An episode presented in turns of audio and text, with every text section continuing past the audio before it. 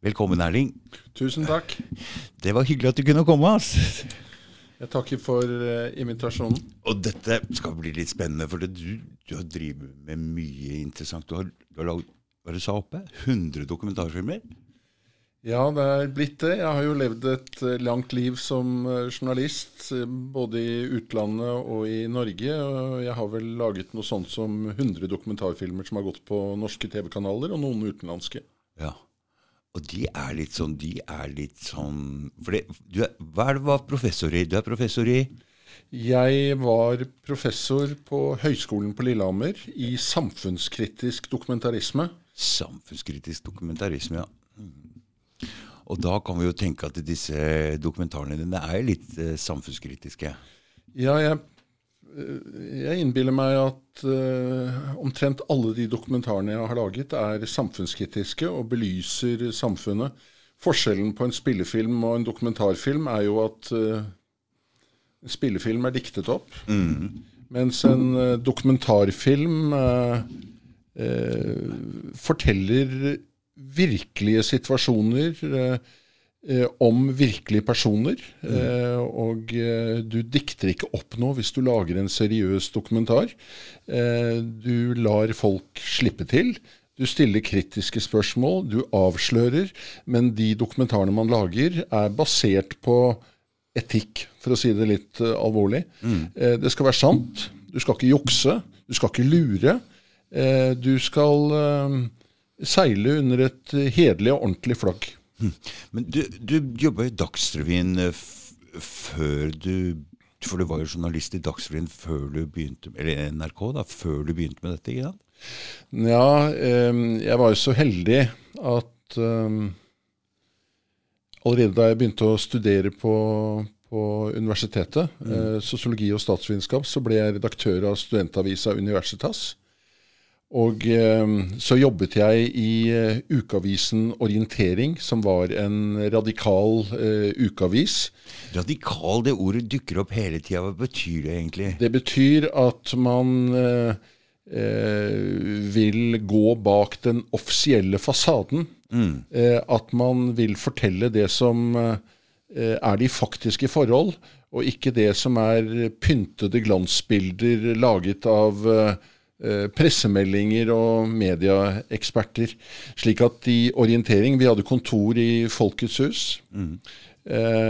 Jeg jobbet der i tre-fire år. Redaksjonskomiteen besto av eh, Jens Bjørneboe, Sigbjørn Hølmebakk, Sigurd Evensmo. Mange flotte norske forfattere og journalister. Mm. Og det jeg kan om journalistikk, det lærte jeg først og fremst der. Og så fikk jeg jobb i Dagsrevyen i 1979, og der jobbet jeg faktisk i 20 år. Ja. Eh, og eh, i syv av de årene så var jeg eh, utenrikskorrespondent, eh, sendt ut av NRK. Jeg var fire år i Latin-Amerika, bodde i Chile. Eh, det var på et tidspunkt hvor eh, brutaliteten og militærkuppene og undertrykkelsen og menneskerettighetsbruddene var helt enorme. Mm -hmm. Og så var jeg hjemme fire år. Eh, Men du ikke hoppe over det med Chile. Så, for da, når du, når, du, når du, bor der og er samfunnskritisk, ble det, det, ble det problemet for deg òg når du opererer på den måten? Hvordan opplevdes det egentlig? Um, jeg kan snakke i mange timer om mine opplevelser i eh, Latin-Amerika. Mm. Kontoret vårt, eh, da jeg ble utnevnt som korrespondent i 1988 Eh, lå i Buenos Aires i Argentina. Mm. Men da jeg kom dit, så var eh, Argentina falt helt sammen. Det var en inflasjon på 3000% i måneden. Mm. Du fikk ikke post. Det var umulig å fungere der. Så jeg overtalte NRK til å flytte kontoret til eh, Santiago i Chile. Mm. Og grunnen til det eh, var at på dette tidspunktet så hadde Chiles diktator Augusto Pinochet. Mm. Han hadde styrt Chile helt siden militærkuppet i 1973 mm. og frem til 1988. Og da sa han Nå har jeg ryddet opp i dette landet. Jeg har tatt rotta på kommunismen. Eh, nå skal dette bli et fritt land. Jeg stiller til valg, og alle andre kan også stille til valg. Slik at det var en utrolig dramatisk eh, situasjon. Og så sa NRK ja til det. Jeg flyttet til Santiago. Jeg bodde der i nesten fire år.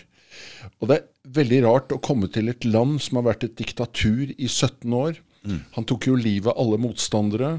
Jeg var med på å grave ut massegraver. Jeg intervjuet folk som var torturert. Men midt oppi dette så hadde jeg utrolig flaks.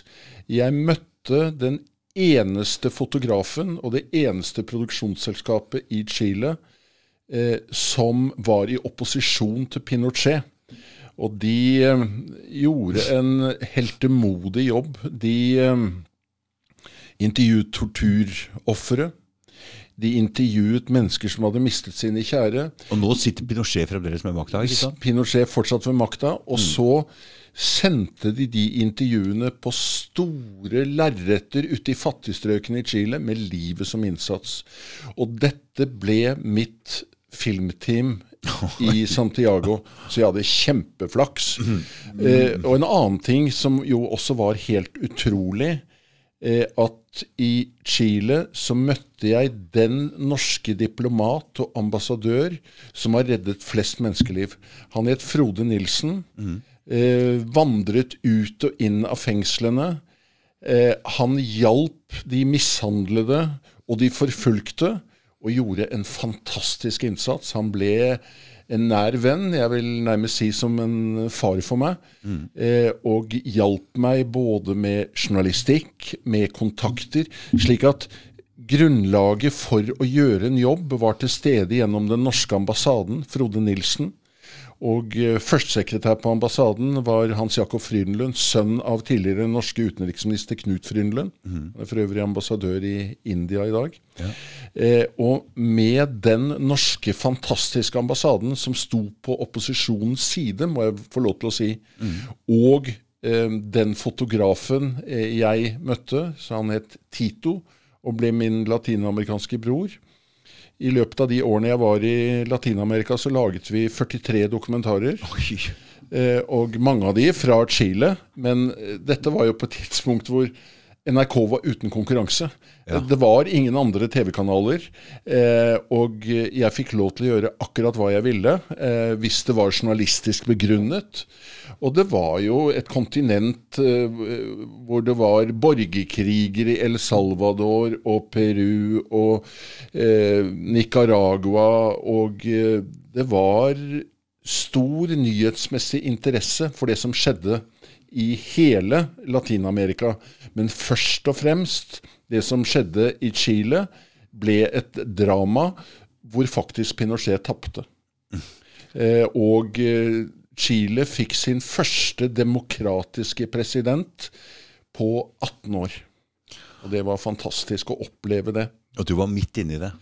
Jeg var midt inne i det, og um, jeg fikk kjeft av NRK en gang fordi den natten hvor det ble klart at opposisjonen hadde slått ut Pinochets regime, så danset jeg rundt i Santiagos gater sammen med mitt filmteam, og så sendte jeg det hjem, og det ble vist på TV. Og det skal jo ikke være sånn at NRKs korrespondenter skal ta stilling, men jeg følte liksom å danse og glede meg over at drittsekken Pinochet falt. Mm. Det måtte jeg gjøre, men det burde kanskje ikke vært vist på TV. Nei. Var det noen gang fare for, eh, for livet, eller hadde du en slags uh, beskyttelse i og med at du kom fra Norge og den norske ambassaden var såpass beskyttende? Um, det var jo um, Det var jo ikke ufarlig å være utenlandskorrespondent.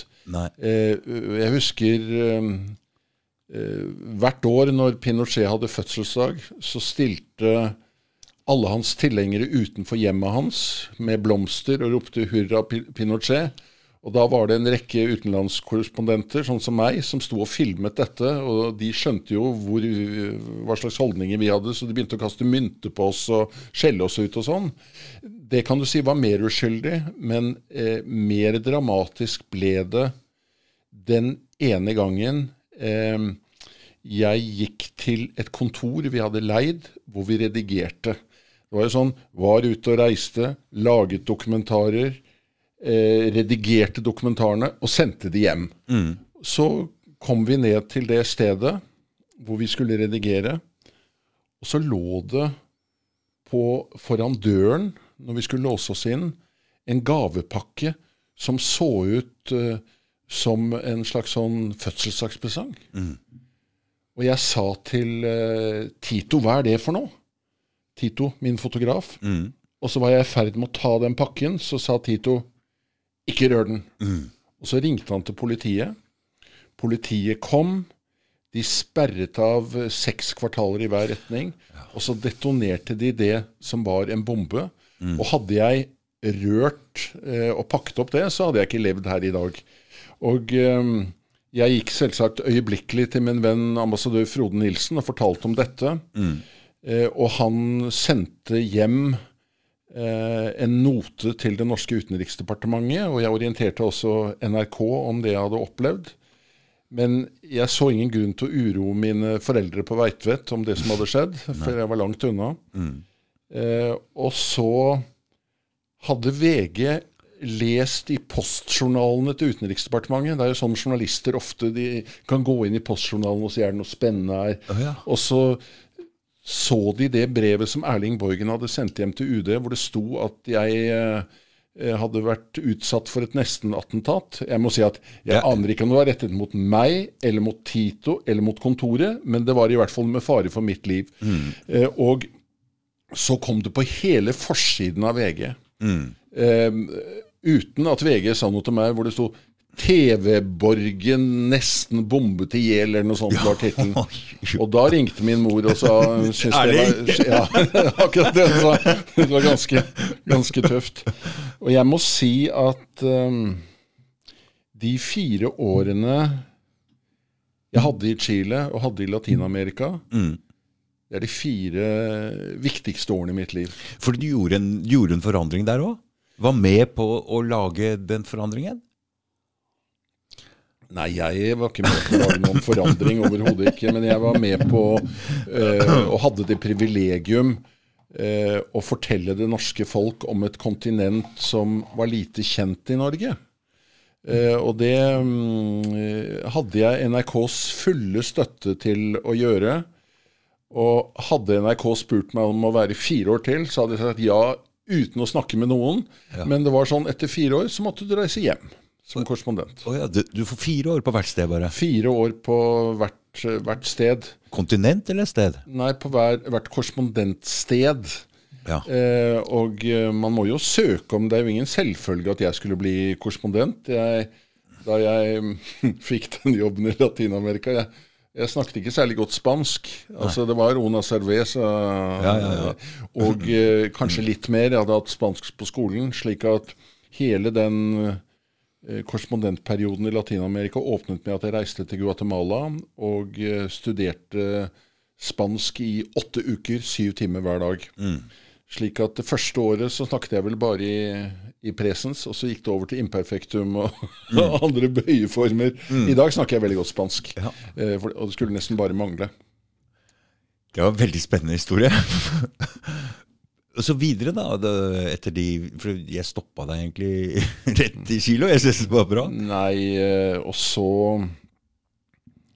Etter de fire årene i eh, Latin-Amerika så var jeg hjemme i fire år. Og så spurte NRK meg etter fire år om jeg kunne tenke meg å bli korrespondent i Asia, i Beijing, Kina. Mm. Og eh, på dette tidspunktet Hvilket årstall prater vi om nå? Nå snakker vi om 96. Mm.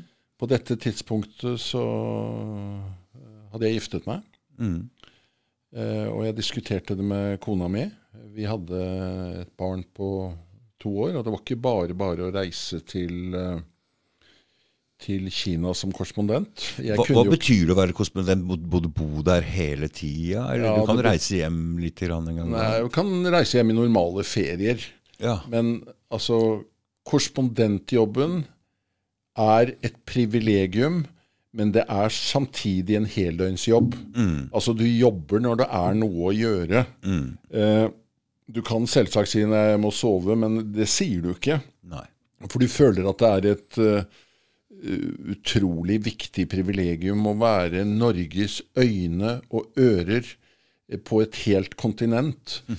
Eh, det var uh, veldig vanskelig for meg å være korrespondent i Kina. Jeg kunne jo ikke kinesisk. Mm -hmm. og eh, forskjellen på det latinamerikanske kontinentet og det kinesiske kontinentet var jo at eh, på det latinamerikanske så snakker man stort sett bare spansk. Og så snakker man portugisisk i Brasil og et par andre land. Men portugisisk kan du lære deg slik at det kan fungere. I, um, i, når du er korrespondent i Asia, så kommer du til et kontinent hvor de snakker forskjellige språk Overalt. overalt. Slik at der var jeg veldig avhengig av tolker overalt. Jeg trengte ingen tolker da jeg var i Latin-Amerika, men jeg trengte tolker overalt da jeg var i, eh, var i Asia. Og eh, det, jeg har vel aldri jobbet så hardt, og syns jeg har fått så lite ut av det. Mm. For i, kommunistkina på den tida så ble det kanskje litt sånn fotfulgt og fulgt med og sånn. Var det såpass da, eller? Ja, det var um, Så de tolkene du fikk, de var liksom statsansatte?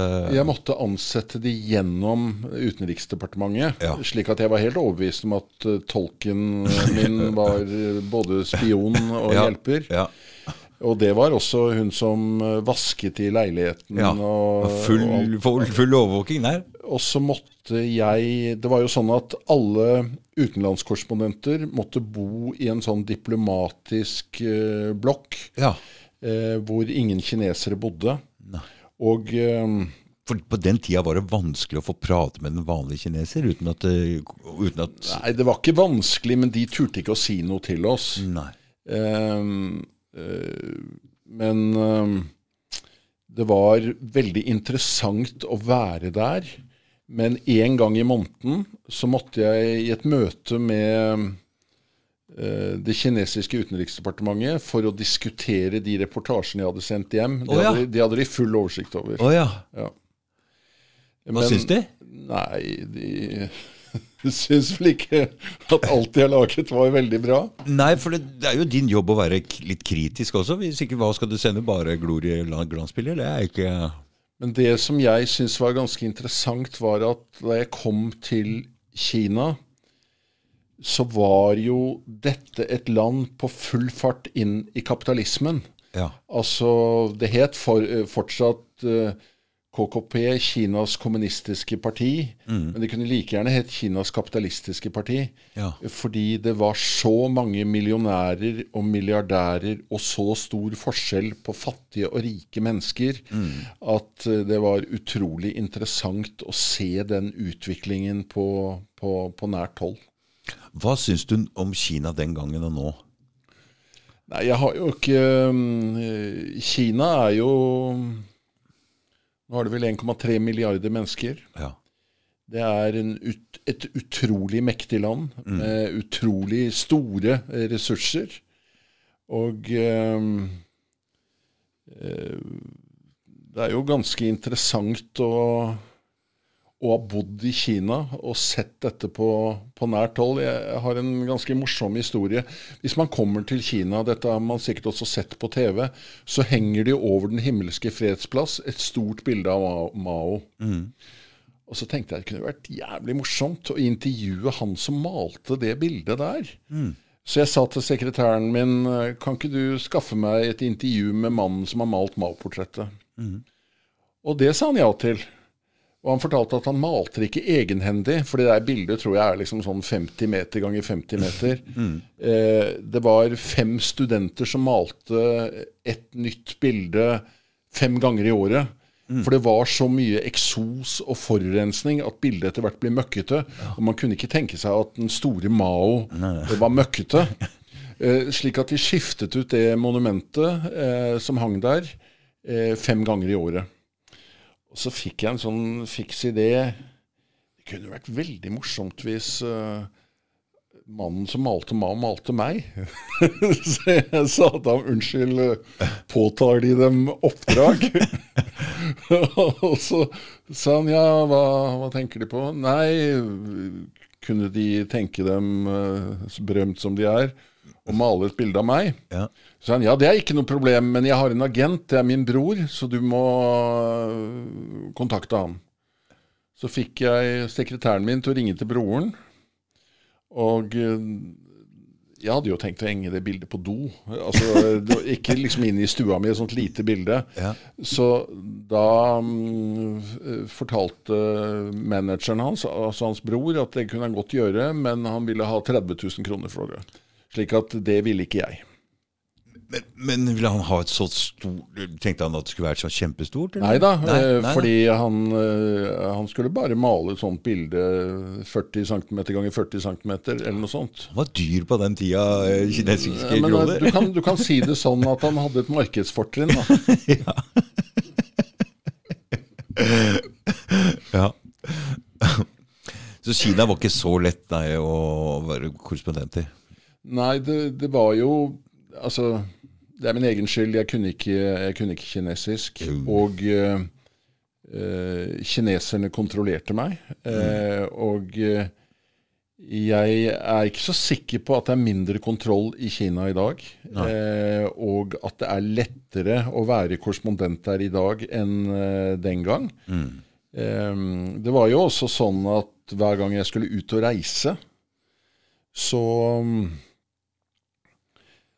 måtte jeg eh, enten ha med meg to byråkrater fra det kinesiske utenriksdepartementet mm. som skulle kontrollere hvordan jeg jobbet, eller at det to, sto to lokale sjefer for kommunistpartiet til den byen eller den provinsen jeg reiste til, og skulle hjelpe meg, som det heter. Mm. Og jeg tenkte at uh, jeg utarbeidet en slags taktikk etter hvert for å kunne jobbe litt mer sånn uavhengig. For det var sånn at disse menneskene de forventet at jeg skulle spandere både mat og drikke på dem. Ja, ja.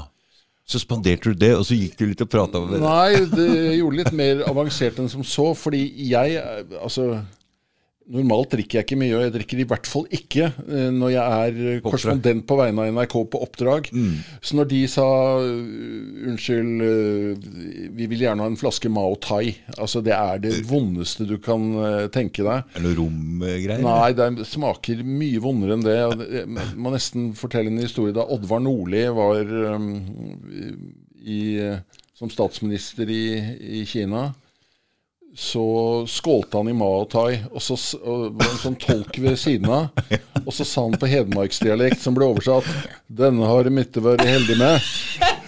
og, og, det er jo jævlig morsomt når du sier det på hedmarksdialekt, ja. men når du oversettes av en spiss kinesisk tolk, så ble det en litt sånn uhyggelig stemning.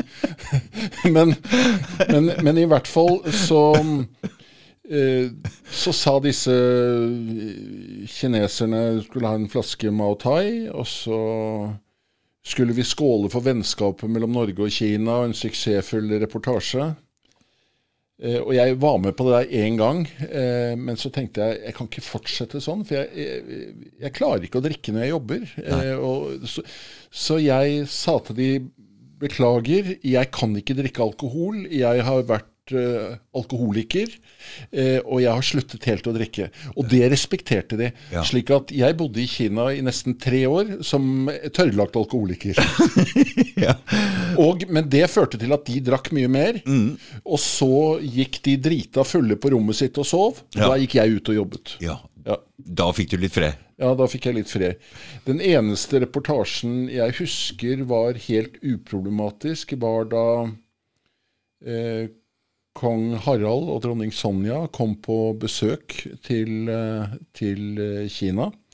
Da ville NRK at jeg skulle lage et eget dokumentarprogram om deres besøk.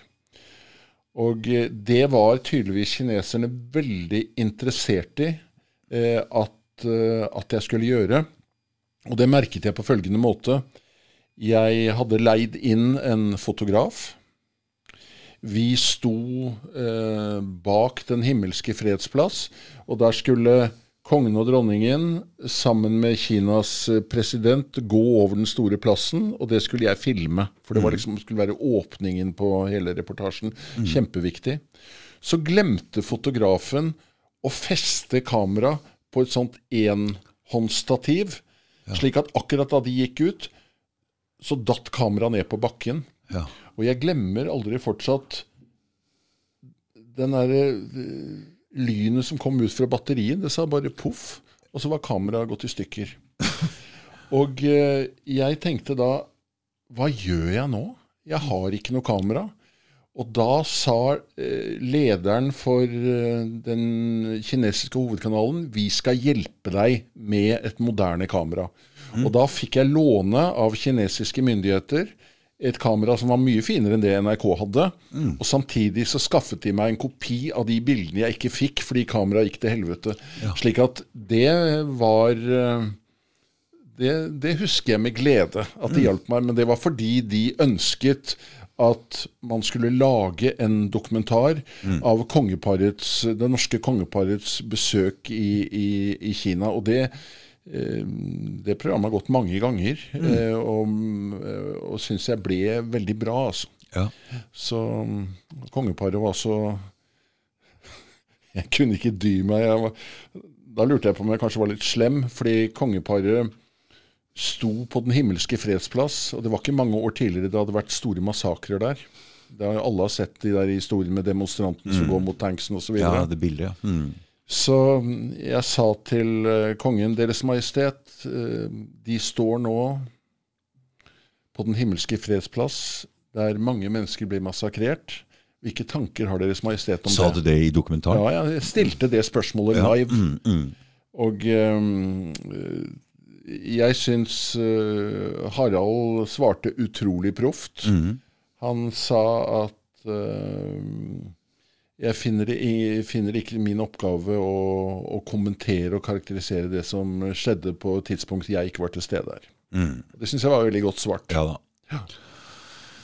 Ja, Hva ellers skulle han svart? Han var jo der som representant for Norge og skulle bygge noen broer. Carl Gustav av Sverige hadde svart. Kanskje ikke like klokt. Nei.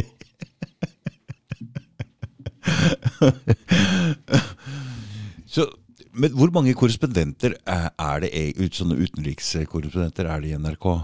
Er det en for hver kontinent, eller hvordan er det? Nei, du har jo flere i Europa. Ja. Jeg tror Da jeg var korrespondent, så tror jeg vi var 11 eller 12. Ja. I dag eh, eksisterer det ingen fast korrespondent på det latinamerikanske kontinentet. Nei. Du har Arnt Stefansen, som bor i Brasil, og som er utrolig dyktig, men han er bare frilanser. Mm. Eh, og ellers så Jeg mener jo at det er et av NRKs store fortrinn. Eh, at man har korrespondenter over hele verden. Og eh, når jeg selv har vært korrespondent på to ulike kontinenter og vet uh, hva det kreves og hvor mye man må jobbe, så må jeg si at jeg er utrolig imponert over de korrespondentene NRK nå har rundt i verden. Mm. Uh, og uh, det er et konkurransefortrinn NRK har. De har råd til det, ikke sant? Ja, de har råd til det. Mm. Det er jo en statsfinansiert kanal, og de mm. må selvsagt ta seg råd til det. Mm. Det, var en spennende, det var en spennende begynnelse på NRK-karrieren din? Ja, eh, begynnelsen på NRK-karrieren min var jo Det var derfor jeg ble hentet inn der også.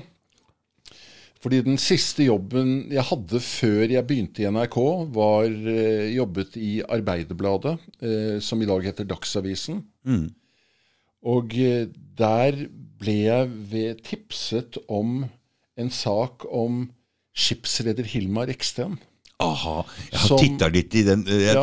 litt i den eh, resumeet ditt, og der var du innom litt, ja. Mm. Nei, og uh, skipsreder Hilmar Reksten er jo antagelig den største svindelsaken som har vært i Norge. Eh, Reksten, for å dra kortversjonen, var en av verdens største skipsredere. Han var mm. nesten like stor som grekerne Onassis og Niarkos. Mm. Og eh, han hadde bestilt tolv supertankere ved Akers Mekaniske Verksted, som da eksisterte både i Oslo og en rekke andre steder i Norge. Mm. Og så gikk tankmarkedet til helvete. Ja. Eh, og eh, han hadde da, sa han, ikke råd til å eh, betale disse skipene. Så gikk han til eh, den norske stat, og så sa han 'jeg må ha hjelp'. Eh, ellers så må jeg kansellere alle skipene. Og da risikerte man at 12 000 arbeidere eh, som da jobbet på Akers Mekaniske Verksted, mistet jobben sin. Så staten punget ut med garantier på 865 millioner kroner. Dette var i 1977-78. Mm. Og jeg tror at hvis du oppdaterer det til dagens kroneverdi, så tipper jeg at han da fikk garantier på mellom 3 og 4 milliarder kroner. Mm. Så begynte det å piple ut nyheter om at denne fattige rederen kanskje hadde stukket unna oh ja, sånn en masse penger. Mm.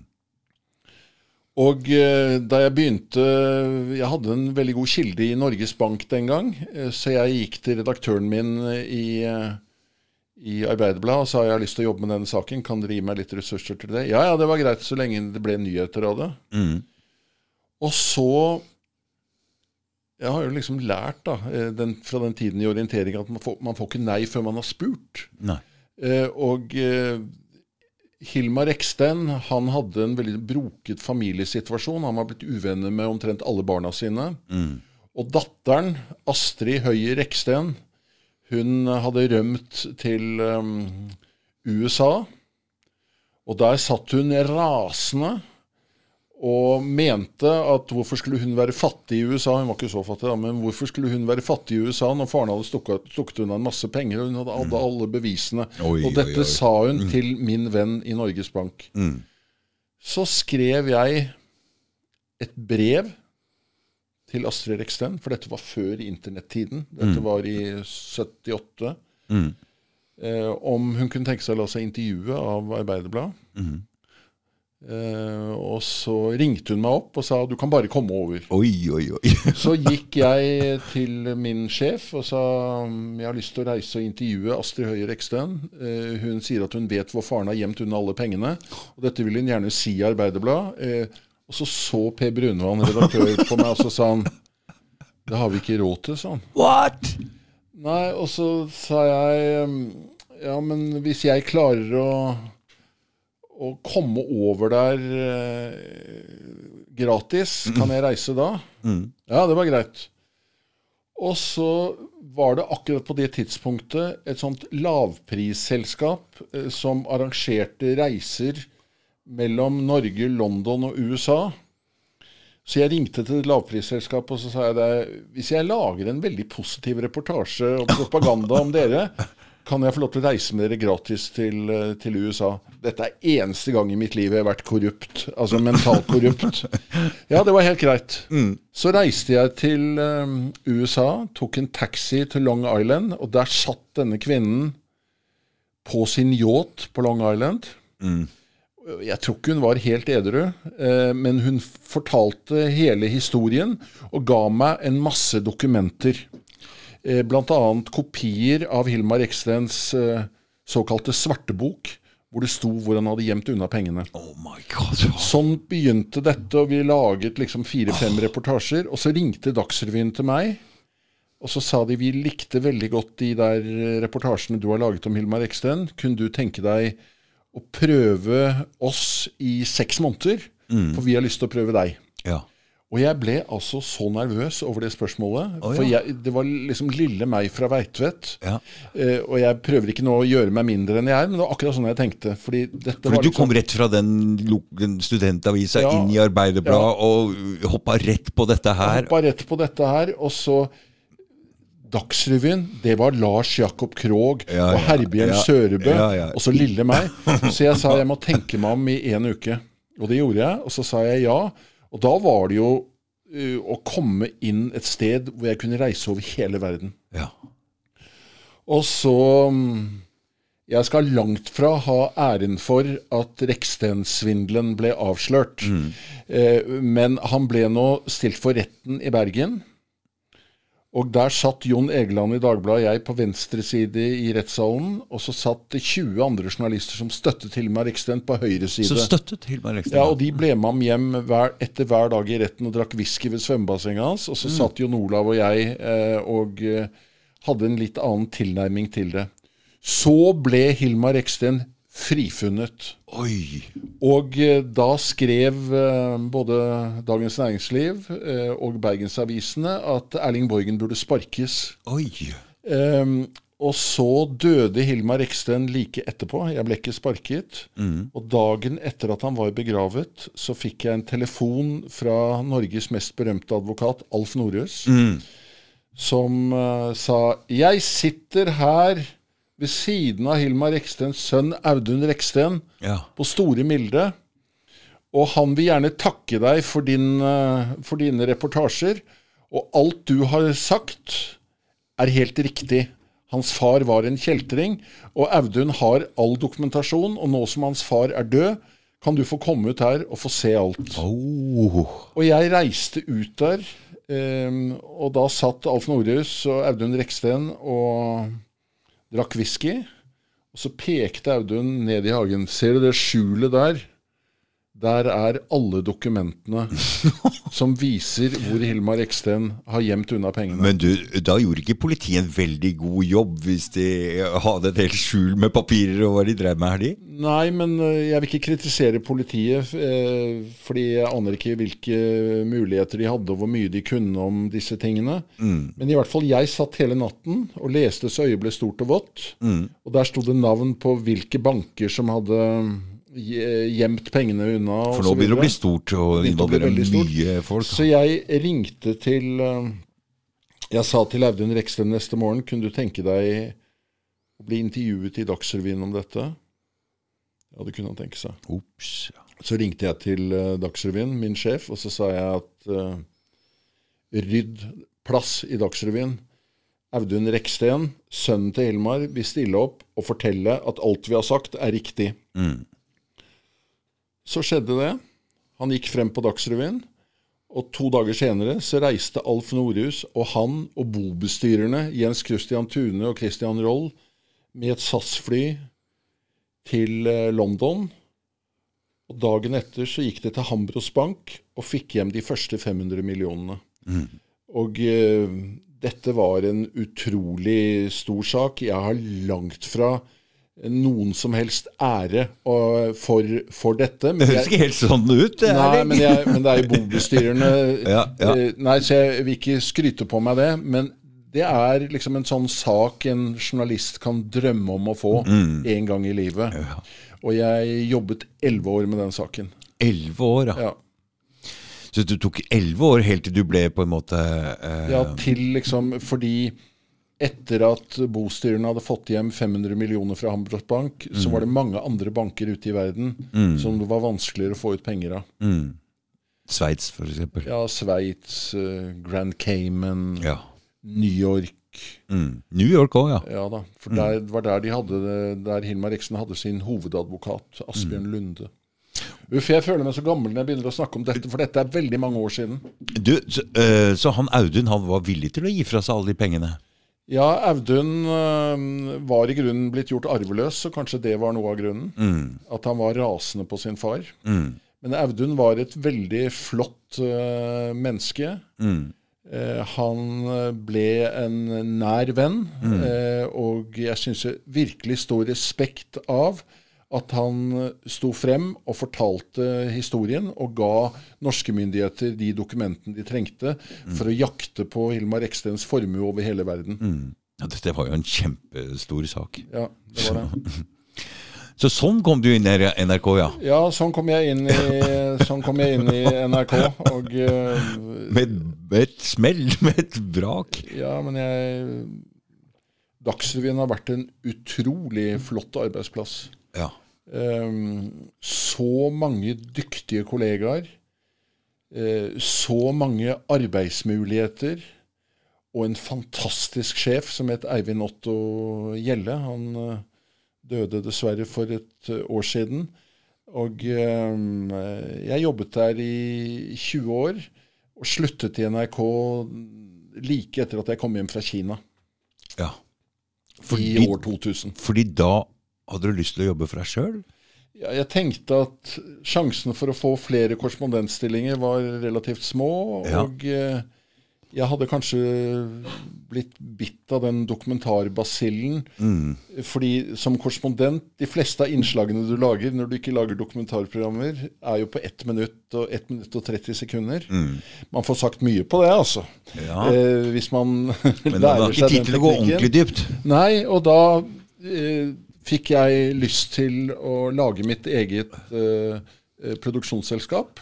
Eh, og eh, siden jeg sluttet og frem til nå, så har jeg vel laget noen og 50 dokumentarfilmer. Mm. Det begynte med um, en kontrakt faktisk med Kirkens Nødhjelp. Mm. Eh, jeg ser på Kirkens Nødhjelp som en menneskerettighetsorganisasjon, og de drev et utrolig viktig arbeid i mange u-land. Og de var interessert i at jeg skulle lage dokumentarer om virksomheten deres. Eh, og det gjorde jeg. Laget 17 dokumentarer for det. Ja. Og senere så har jeg laget uh, dokumentarer om uh, ulike spørsmål. Fra hvordan klesindustrien bruker slavearbeidere, til hvordan USA sperret inne 778 fanger på Guantánamo-basen. Det er en uh, drøy En veldig stygg historie. Veldig. Og den siste dokumentarserien jeg laget, den gikk i 2019. Det var fire timer, fire ganger én time, om Einar Gerhardsen eh, ja. uh, og uh, sosialdemokratiets vekst og fall, får jeg vel nesten vekst si. Og fall, ja. ja mm. Nesten si det. Mm. Og da vant du Gullrutepalme et eller annet? Ja, jeg ble i hvert fall nominert, nominert og fikk et uh, diplom. Mm. ja. Så det var veldig, veldig hyggelig. Mm. Hva er den viktigste saken du har vært borti, Erling? Det er kanskje Chile, eller Nei uh, Jeg føler meg utrolig privilegert som har fått lov til eh, å jobbe med så mange viktige spørsmål eh, i så mange land. Eh, fordi eh, du blir ganske ydmyk når du reiser rundt i verden og møter fattige og mishandlede mennesker, og selv kommer fra et land som Norge. Mm. Eh, Norge har jo på omtrent uh, alle sånne rangeringer over det beste landet i verden, og landet med mest menneskerettigheter og landet med størst ytringsfrihet, så kommer vi alltid på førsteplass omtrent. Mm. Men når du, når du, kommer til land som Chile eller Haiti eller Guatemala eller Indonesia Jeg tror jeg har vært i 104 land. Oi. Så ser du hvor privilegerte vi, vi er, eh, er, i Norge. Jeg kan ramse opp mange ting jeg ikke liker ved Norge, mm. men eh, akkurat i denne store internasjonale sammenhengen mm. så er vi et privilegert land. Ja da, det er ikke tvil om det. Men eh, jeg så deg Plutselig så, så jeg et bilde av deg nede foran Stortinget her. og Var det Nato du var det demonstrerte mot, eller var det Julian Assange? Jeg har jo Nei, jeg har jo, jeg har jo, ledet veldig mange demonstrasjoner, da. Mm. Og det var jo en av grunnene til at um, jeg sluttet i NRK. Ja. Fordi når du er medarbeider i NRK, så kan du ikke mene noe politisk om noe, og sånn Nei. bør det være. Ja. Um, jeg har um, vært medlem av ett politisk parti frem til 1972, Sosialistisk Folkeparti, mm. den gangen ledet av Finn Gustavsen. Mm. Siden den gang har jeg ikke vært medlem av noe politisk parti, og det passer meg aldeles utmerket. Mm. Men jeg har engasjert meg politisk eh, i spesielt spørsmål om krig og fred. Eh, jeg har ledet 38 demonstrasjoner mot den norske deltakelsen i Afghanistan-krigen. Mm. Og det du kanskje viser til nå, var det nettopp? når du ja. så meg? Ja, mm, mm. Det tror jeg var protesten mot Russlands angrepskrig på Ukraina. Mm. Så du har vært kritisk til Norges deltakelse i, i Afghanistan, ja? Ja, mm, det har jeg definitivt. Mm. Uh, og jeg um, hvis du ser på Afghanistan-krigen Norge har jo kriget der i, i 20 år. Mm. Eh, sammen med USA og en rekke andre Nato-land. Og vi har ikke veldig mye å være stolte av. Nei, det er ikke noe. Nei, det er ikke noe. Og Norge deltok jo også i Irak-krigen. Mm. Jeg aner ikke hvor mange som døde i Afghanistan-krigen. Det er litt sånn ulike sifre på det. Det er mellom 100 000 og 150 000 sivile. Mm. I um, Irak-krigen så snakker man om mellom 600 000 og 1 million mennesker. Ja, Bare i krigen, men tenk, i krigen. tenk, på etterpå med alle disse Fattigdom og ja, mm. flyktninger. Og, Nei, det er, ja. det er, så stygt som det kan få blitt. Og vi har jo Libya også, ikke sant? Ja, altså, er det et kapittel for seg sjøl? Ja, takk for at du nevner det. For det mener jeg nesten er noe av det aller verste. At uh, Norge, etter SMS-konsultasjoner, mm. eh, hvor også partiet SV var med på dette, eh, vedtok at nå skulle de gå til angrepskrig mot Libya. og Norge var jo de flinkeste til å slippe bomber. Mm. Jeg tror vi slapp 672 bomber over Libya. Og jeg glemmer ikke det. Altså, i 2011 så skjedde jo massakrene på Utøya. Mm. Hvor en hel generasjon med arbeiderpartipolitikere, eller ungdomspolitikere, ble drept av en fascist. Mm. Og eh, da de norske jagerflypilotene kom tilbake etter å ha bombet Libya, så sto daværende forsvarsminister Grete Faremo på flyplassen, ønsket jagerflypilotene hjem og sa dere, jeg takker dere for det dere har gjort. Dere eh, representerte AUFs verdier i Libya. Det tror jeg ikke mange AUF-ere syns var veldig heldig utsagn. Nei, i hvert fall ikke når vi ser resultatet, hva som skjer, hvordan det ser ut nede i Libya nå. Det er jo ikke um, det der um, Våpenet har blitt spredd over hele Det ser jo ikke ut der nede. Du kan, si, du, kan si, mye om det i Libya som, uh, som var før bombeangrepet, men det var et velfungerende afrikansk land. Mm. I dag er det et kaoshelvete. Mm. Dessverre. Har du vært der nede noen gang? Nei, jeg har aldri vært der. Nei. Det har vært en del i Midtøsten, eller? Jeg har vært eh, ganske lite i Midtøsten, faktisk. Mm. Eh, jeg har vært mest i Latin-Amerika, i Asia og eh, i ti afrikanske land. Midtøsten er ikke mitt jeg, jeg, jeg, var i Israel en gang og laget en dokumentar om Arle Edvardsen, vekkelsespredikanten. Å oh, ja. ja. Fordi han var der? Ja, han, han, var like god venn med Israel som han var med PLO, faktisk. Ja. Veldig spennende mann, Arle Edvardsen. Likte jeg godt. Er det Saronsdal? Saronsdal.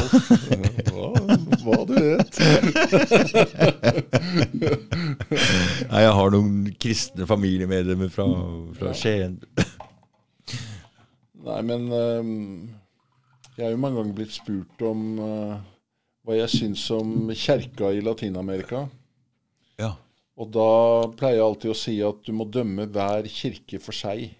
Ja. Du har liksom uh, Pinochets kirke, og du har frigjøringsteologenes kirke, og du har de fattiges kirke. Og eh, jeg har ikke noe religiøst ståsted overhodet, mm. men jeg så spesielt i Latin-Amerika at uh, fattigfolk i enkelte land, det eneste de hadde å holde seg til, eh, og som hjalp dem i deres kamp for rettferdighet, var uh, var uh, revolusjonære kirkesamfunn. Mm. Og det var veldig flott å se. Mm. Det er interessant. Ja. Assange, uh, Erling. Ja, no, no you keep me, Ask me to talk. Nei, um, Julian Assange Jeg sitter i Norsk Pens Assange-utvalg. Ja. Hva betyr det Norsk Pens? Norsk Penn er en uh, ytringsfrihetsorganisasjon mm. uh, over, uh, som befinner seg over hele verden, og som hjelper forfulgte forfattere. Mm. Norge har faktisk hjulpet forfulgte forfattere til å bo i Norge på stipend fra Norge, ja.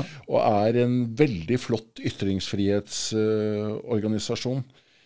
og um, Julian Assange uh, har jeg aldri møtt uh, personlig, men jeg kjenner veldig godt til hans uh, sak. Julian Assange startet jo Wikileaks. Mm. Og fikk tak i masse hemmelige dokumenter som makten ikke ønsket skulle bli presentert. Mm. Og han fikk tak i dokumenter som viste eh, og dokumenterte USAs krigsforbrytelser i Afghanistan, Irak, Guantánamo mm. og en rekke andre steder. Mm. Viktige dokumenter. Vikt... Kjempeviktig. Mange millioner Ikke dokumenter. Mm. Og han inngikk jo et samarbeid med aviser i mange land mm. som trykket hans eh, dokumenter og de avsløringene mm. som de dokumentene ga. Mm. Og nå risikerer han altså 175 års fengsel.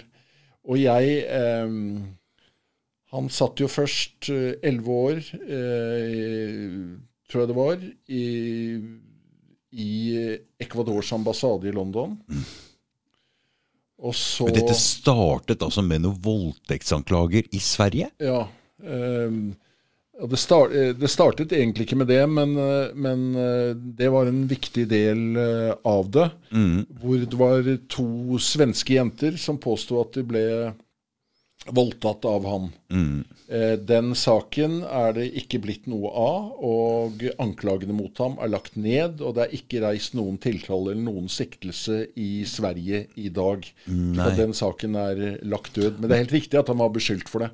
Og det var da han gikk inn i ambassaden, eller hva? Ja, det var da han uh, gikk inn i ambassaden. Fordi han var jo selv overbevist om at dette var ting uh, som var iverksatt for å knekke mm, ham. Mm. Og så Jeg har vært i den Ecuadors ambassade og i håp om å komme inn på kontoret til uh, Julian Assange og snakke med han, jeg. Men det, det, det, fikk jeg ikke, da. Nei. Men um, så ble det et regimeskifte i Ecuador. Ja. Og den nye presidenten eh, ville ikke at Julian Assange skulle bo i Ecuadors ambassade lenger. Mm. Og han sparket han ut på gata. Og da ble han hentet av britisk politi og fraktet eh, til et høyrisikofengsel, mm. hvor han nå har sittet i fire år. Er utleveringsavtalen i orden da? Ehm, det er, det er, eh, avsagt to dommer, en opprinnelig dom og en ankedom, om at han skal utleveres, men hans advokater har foreløpig stoppet utleveringen. Så, men altså, jeg mener jo det er liksom helt hårreisende at Julian Assange, som har fortalt verden om krigsforbrytelser, og, så, og som aviser verden over også har basert sin reportasje på, mm. skal sone for alle og risikere 175 års fengsel, som er maksimumsstraffen for det amerikanere kaller for spionasje. Jeg tror ikke siste ord er sagt i denne saken. Det jeg, som gjør meg forbannet, er at norske myndigheter er helt tause, mm. helt stille. Mm. Og um, den norske utenriksministeren sier at det er ikke riktig av henne å blande seg inn i andre lands rettslige prosesser. Oh, ja. Men med alle andre ting er det ok? ja, hun har jo blandet, eller den norske utenriksminister har jo blandet seg inn i i rettslige prosesser, f.eks. med disse Kongo-guttene som mm. var der, mm. eller uh, fengslinger i, i, Russland. Så det der er litt uh, mm. Det halter litt. Det er jo bare det at han har vært borte nå i Er det 15 år? 15 år. 15 år. Det vil jo Uansett hva slags dom han får der nede, så vil jo dette gjøre at folk vil være veldig forsiktige med å lekke sånt seinere, da. Ja, og derfor så er dette et angrep ikke bare på Julian Assange, men på internasjonale journalister. Mm. Og alle journalistorganisasjoner av noen betydning i verden har gått ut til forsvar for Julian Assange. Mm. Eh, men ingen regjeringer? Ingen, uh, ingen Ja, den australske regjeringa er jo australsk. Ja. Tror jeg har gjort en del forsøk på å få ham utlevert direkte til Australia. Mm. Og jeg håper kanskje at det ender med det.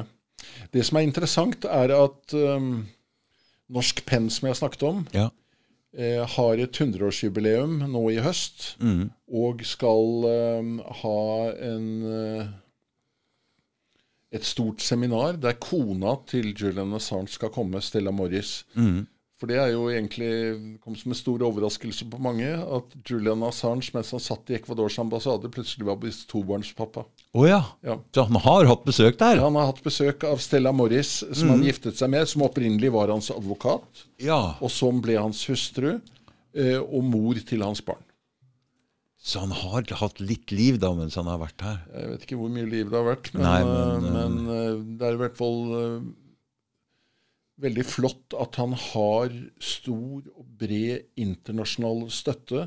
Helsen hans er utrolig dårlig. Og jeg har mange ganger tenkt at overlever han dette? Eh, og det er jo utrolig dramatisk, faktisk. Den tanken. En person som har fortalt om krigsforbrytelser i Afghanistan, Irak og en rekke andre land, som ingen er blitt dømt for, risikerer selv 175 års fengsel. Det, det rimer overhodet ikke. Hvis han blir dømt for det, vil de avisene som trykket de sakene også bli dømt? Nei, det er det ingenting som tyder på. For det er jo Nei. ingen redaktører som sitter fengslet. Det er jo litt eh, merkelig, eller? Ja, jeg skal ikke ta stilling til det. Vi, vi kan jo tolke det som vi vil. Ja. Hva slags prosjekter driver du med nå? Du, hvordan ble du professor i, i, i altså Du må jo ha tid til å bli professor i, i Hva var det der? Nei, jeg um, ble oppringt av uh, Høgskolen på Lillehammer, eh, som har Norges uh, flotteste dokumentarlinje Ja. for journalister som ønsker å bli dokumentarister. Var det etter at du var ferdig i NRK? Ja da, det var i 2008 faktisk. Ja. Eh, og eh, de lurte på om jeg hadde lyst til å jobbe for dem. Mm. Eh, og eh, jeg begynte der i en 40% stilling. Og så sa de "Vi- vi vil gjerne at du skal bli professor her. Er du interessert i det? Så sa jeg ja, men jeg har ikke akademisk bakgrunn til å bli, bli professor. Eh, så sa de ja, men vi nedsetter bare en kommisjon. Ja. Og så finner vi ut om alt du har gjort og alt Er du har nok. laget, er nok til det. ja. Og eh, de satte ned en internasjonal kommisjon, og jeg måtte sende inn en kopi av eh, de åtte bøkene jeg har skrevet, og eh, 50 dokumentarfilmer og artikler, for da hadde jeg vært fast spaltist i, i Dagsavisen eh, noen år. Og så kom den kommisjonen frem til at jeg var doktorgradskvalifisert eh, eh, flere ganger, som, som de sa. Og så ble jeg da professor på Lillehammer, og det syns jeg var eh, har vært utrolig interessant mm. å lære opp eh, unge dokumentarister til seriøs eh, journalistikk. Jeg er da professor i samfunnskritisk dokumentar. Eh, og det har vært utrolig gøy. Eh, det faget eh, tar eh, Er det satt av et halvt år til? Eh, Hvor eh, studentene alle må lage hver sin samfunnskritiske dokumentar, eh, som skal vare en halv time. Om, om Norge, eller? Ja, og det er jo ikke så mye penger til å reise internasjonalt, da. Men, Nei, men vi har liksom holdt, oss, holdt på med Norge og Skandinavia. Mm, For det er jo nok å ta her også. Det er nok å ta her. Og eh, noen av studentene har laget helt strålende dokumentarer som Mm. både er vist på NRK, kjøpt inn av VGTV, Mm. og eh, en av eh, en av studentene mine eh, ble faktisk nominert som en av tre dokumentarer til Amandaprisen nå sist eh, helg. Så spennende, så, Så bra. det, det har vært utrolig flott å jobbe der. Jeg sluttet der nå for ett år siden, Ja. fordi jeg er ikke spesielt god til å undervise digitalt. Og når alle undervisningen Jeg, lik, Ja. jeg liker å sitte i et klipperom med studentene og klappe dem på skulderen og, og Ja. hisse de opp. Så når det blir covid, så, Så droppet jeg ut. Mm. Så, Men jeg har fortsatt kontakt med Lillehammer. Og jeg Hvor mange år holdt du på der? Jeg holdt vel på i 14 år, kanskje. Oh, så du har, fått ut, du har fått utlært noen? Etterfølgere? Ja, jeg har mange flotte kollegaer der, så vi har eh, Mm. Det har vært et privilegium å jobbe der, føler jeg. Så jeg har kombinert det med egne dokumentarer, da. Ja. Og det tror jeg studentene har syntes har vært ok. At de har hatt en Og de har fått som- være med, og, og være med på prosjektene dine, eller? Ja, eh, en av de beste studentene jeg hadde, mm. engasjerte jeg faktisk, eh, etter at han var uteksaminert, mm. til å være produksjonsleder for Gerhardsen-dokumentarserien jeg laget. Mm. Slik at uh, flinke studenter, når de vel å merke er uteksaminert, for du kan ikke liksom drive og blande nei, nei. Uh, har, uh, har, jeg jobbet sammen med. Mm. Og mange av studentene Vi nesten reklamerer litt for den linjen. 90% av registudentene som jobber der, har pleid å få jobb etter eksamen. Mm. Alle kan ikke lage drømmedokumentaren. Noen Nei. må lage bullshit-TV og reality-TV også. Mm. Men uh, de kommer seg ut i TV-bransjen. Og, og, og, det de har lyst til, er å lage samfunnskritiske dokumentarer? Ja, hvis de får muligheten, sant? Noen av de har nok lyst til, lyst til, det, og de syns det er spennende og de syns det er morsomt. Og givende. Ja, det er jo alltid givende å lage TV om noe ordentlig og noe skikkelig. Klart det. Ja.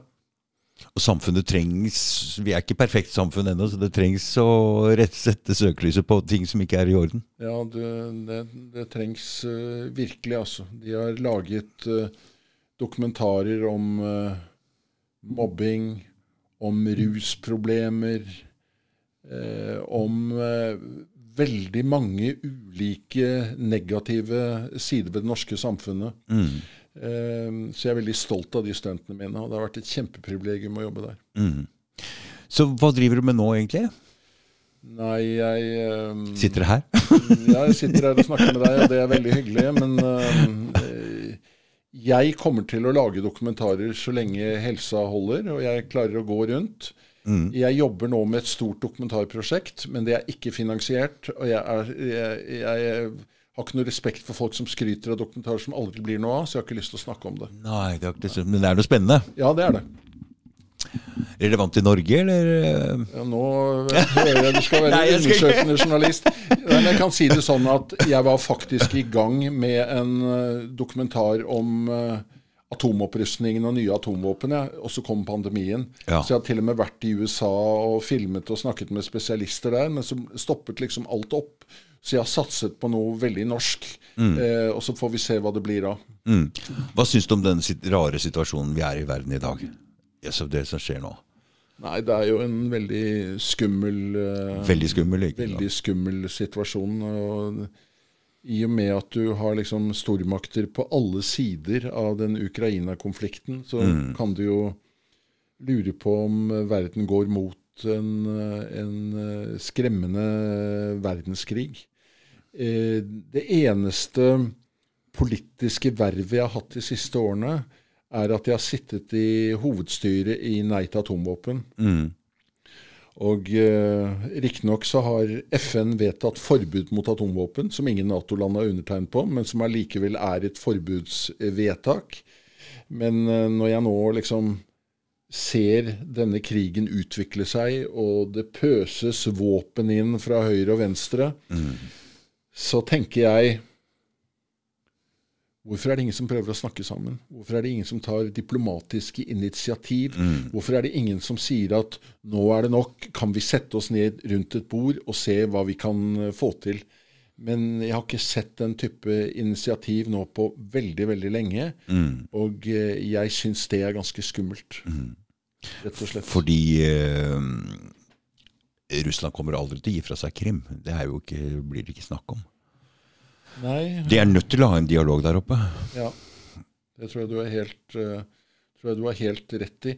Det som jo jeg syns har vært et problem med den Ukraina-konflikten og Ukraina-krigen, er at det uh, i Norge ikke har vært lov til, til å stille kritiske spørsmål. Ja. Ja. For stiller du kritiske spørsmål om våpenstøtte fra Norge osv., så, videre, så sier mm. folk med en gang Jaså, du støtter Putin? Ja, jeg vet. Det har vært, det har vært veldig. Ja, og Det syns jeg er skremmende. Jeg har eh, demonstrert seks ganger utenfor den russiske ambassaden. Mm. Eh, og jeg støtter virkelig ikke Putin. Nei. Men jeg forbeholder meg retten til å stille spørsmål om å pøse inn våpen til Ukraina mm. istedenfor eh, å prøve diplomatiske eh, initiativ som jeg syns verden ikke ser.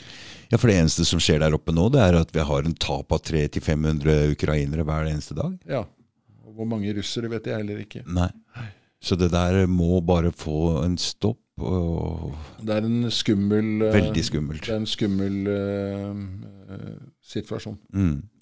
Og den kom sånn rett etter at coviden var over. Var veldig, og den, det covid-regimet vi var innom her, hva, hva syns du eh, når staten bare kan låse ned folk på den måten? Syns du det var greit? Eh, Jeg har et, eh, et veldig greit holdning til, til covid-situasjonen. Og det er at jeg gjør som norske helsemyndigheter forteller at jeg skal gjøre. Det er mitt ståsted. Ja. Ja. Så jeg var jo helt mot det der. Jeg, jeg var ikke redd for covid. Jeg syns det ble oppblåst veldig. Og jeg syns det er veldig skummelt at uh, at de bare kan gjøre sånn med, uten å ha noe Og nå setter de jo over alle, alle rettigheter over til WHO også. Det Ja. Ja, jeg vet at Da var jo prisgitt uh, hva de mener om ting og tang, da. Jeg tror eh, ikke vi blir enige om det, for jeg har bestemt meg for at når det gjelder covid, Ja. så forholder jeg meg til norske helsemyndigheter. Ja, ja, vi trenger ikke bli enige om det. Nei da. Nei da, jeg veit at de aller fleste er enig med deg om Ja. det, så Men jeg, jeg følger jo, jeg har jo fulgt med Kari Jackesson-fløyen og, Ja, ja, ja. og sett hva Mm. de eh, Mm. representerer. Og eh, jeg står ikke der. Nei. Nei. Nei, det skjønner jeg. Skal vi si at dette holder, eller? Ja da, Erling. Ja. Suverent. Ja. Er du fornøyd med dette? Superbra. Ja, ok. Jeg likte det godt. Jeg likte det også veldig godt. Jeg likte din tilnærming til det, og spørsmålene dine, og hvordan du brakte meg liksom videre. Ja. Og jeg håper ikke jeg snakket for mye. Altså. Nei. Nei. Tusen takk, Erling. Nei, men tusen takk selv for at jeg